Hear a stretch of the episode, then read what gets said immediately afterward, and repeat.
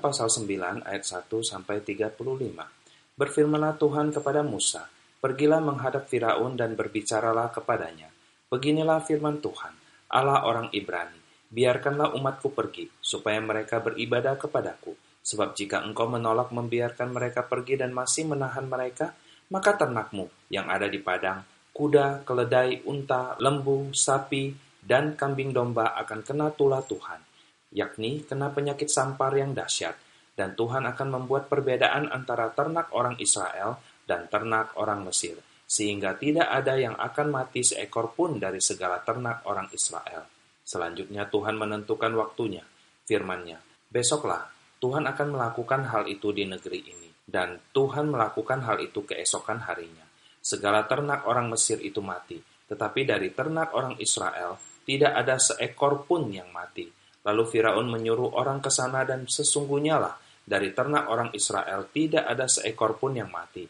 Tetapi Firaun tetap berkeras hati dan tidak mau membiarkan bangsa itu pergi.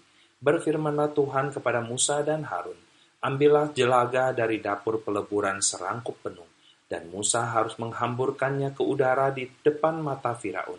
Maka jelaga itu akan menjadi debu meliputi seluruh tanah Mesir, dan akan menjadikan bara yang memecah sebagai gelembung pada manusia dan binatang di seluruh tanah Mesir.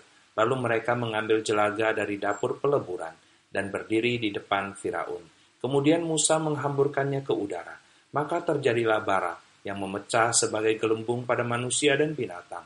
Sehingga ahli-ahli itu tidak dapat tetap berdiri di depan Musa karena bara-bara itu. Sebab ahli-ahli itu pun juga kena bara sama seperti semua orang Mesir. Tetapi Tuhan mengeraskan hati Firaun, sehingga ia tidak mendengarkan mereka, seperti yang telah difirmankan Tuhan kepada Musa.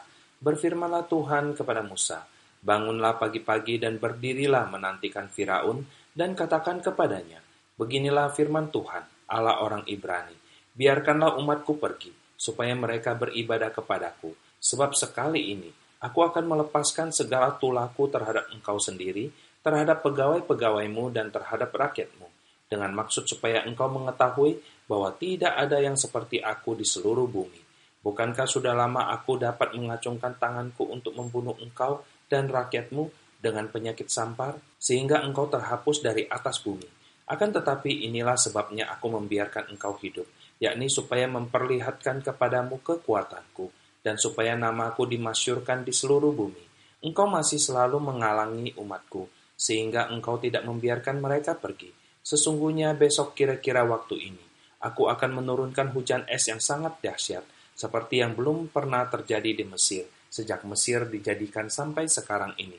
Oleh sebab itu, ternakmu dan segala yang kau punyai di padang, suruhlah dibawa ke tempat yang aman, semua orang dan segala hewan yang ada di padang dan tidak pulang berkumpul ke rumah, akan ditimpa oleh hujan es itu, sehingga mati maka siapa di antara para pegawai Firaun yang takut kepada firman Tuhan, menyuruh hamba-hambanya serta ternaknya lari ke rumah. Tetapi siapa yang tidak mengindahkan firman Tuhan, meninggalkan hamba-hambanya serta ternaknya di padang. Berfirmanlah Tuhan kepada Musa, ulurkanlah tanganmu ke langit, supaya hujan es turun di seluruh tanah Mesir, menimpa manusia dan binatang, dan menimpa tumbuh-tumbuhan di padang di tanah Mesir. Lalu Musa mengulurkan tongkatnya ke langit, maka Tuhan mengadakan guru dan hujan es, dan api pun menyambar ke bumi. Dan Tuhan menurunkan hujan es meliputi tanah Mesir, dan turunlah hujan es, beserta api yang berkilat-kilat di tengah-tengah hujan es itu, terlalu dahsyat, seperti yang belum pernah terjadi di seluruh negeri orang Mesir, sejak mereka menjadi suatu bangsa. Hujan es itu menimpa binasa segala sesuatu yang ada di padang, di seluruh tanah Mesir, dari manusia sampai binatang juga segala tumbuh-tumbuhan di padang ditimpa binasa oleh hujan itu, dan segala pohon di padang ditumbangkannya. Hanya di tanah Goshen, tempat kediaman orang Israel, tidak ada turun hujan es. Lalu Firaun menyuruh memanggil Musa dan Harun, serta berkata kepada mereka, Aku telah berdosa sekali ini. Tuhan itu yang benar, tetapi aku dan rakyatku lah yang bersalah. Berdoalah kepada Tuhan. Guru yang sangat dahsyat dan hujan es itu sudah cukup maka aku akan membiarkan kamu pergi. Tidak usah kamu tinggal lebih lama lagi. Dan berkatalah Musa kepadanya, Sekeluar aku dari kota ini, Aku akan mengembangkan tanganku kepada Tuhan. Guru akan berhenti dan hujan es tidak akan turun lagi, supaya engkau mengetahui bahwa bumi adalah milik Tuhan. Tetapi tentang engkau dan para pegawaimu, aku tahu bahwa kamu belum takut kepada Tuhan Allah. Tanaman rami dan jelai telah tertimpa binasa, sebab jelai itu sedang berbulir dan rami itu sedang berbunga. Tetapi gandum dan sekoi tidak tertimpa binasa, sebab belum lagi musimnya. Lalu keluarlah Musa dari kota itu meninggalkan Firaun. Dikembangkannya lah tangannya kepada Tuhan. Maka berhentilah guru dan hujan es, dan hujan tidak tercurah lagi ke bumi.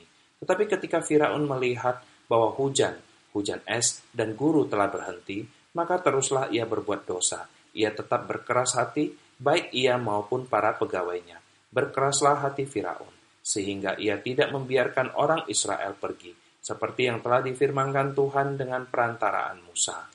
Sahabat, tulah demi tulah diberikan Tuhan untuk menundukkan hati Firaun yang keras. Berulang kali Tuhan memerintahkan Musa untuk menghadap Firaun, dan berulang kali pula Firaun mengakui kebodohannya dan meminta Musa berdoa kepada Tuhan, serta berjanji untuk melepaskan bangsa Israel. Tetapi berulang kali pula Firaun mengingkari janjinya. Mungkin kita tidak diskusikan tulah-tulah tersebut, karena semuanya sudah jelas ditulis di dalam Alkitab. Mungkin kita perlu bertanya, mengapa Tuhan mengeraskan hati Firaun? Tuhan berotoritas, tetapi Tuhan juga memberikan free will, kebebasan kepada manusia untuk memilih. Firaun memiliki kebebasan untuk mengikuti perintah Tuhan. Dia juga memiliki kebebasan untuk tidak mengikuti perintah Tuhan. Karena Firaun mengeraskan hati, memilih untuk tidak mengikuti perintah Tuhan, maka Tuhan terus menguji Firaun sampai pada akhirnya dia menyerah dan tidak berkeras hati lagi. Jika kita perhatikan, bukankah peristiwa sepuluh tulah ini sepertinya Musa hanya menjadi penyambung lidah bagi Tuhan, juga bagi Firaun? Musa menyampaikan perintah Tuhan dan menyatakan mujizat Tuhan di hadapan Firaun. Ketika Firaun sudah tidak tahan dan meminta Musa berdoa kepada Tuhan, Musa melakukannya. Sekali lagi kita melihat Tuhan sedang membentuk Musa dan apa yang diperankan pada sepuluh tulah ini kembali berulang ketika dia juga menjadi penyambung lidah antara Tuhan dan bangsa Israel yang tegar tengkuk. Sahabat, apa pun peran yang diberikan Tuhan kepada kita, perankanlah dengan sepenuh hati, karena kita tidak tahu apa yang menjadi rencana Tuhan ketika memberikan peran tersebut. Mungkin saja pada satu hari nanti, kita juga harus berperan seperti Musa, menjadi penyampai Injil Tuhan dan menjadi pendoa-pendoa syafaat bagi mereka yang kita injili. Bertekunlah. Amin.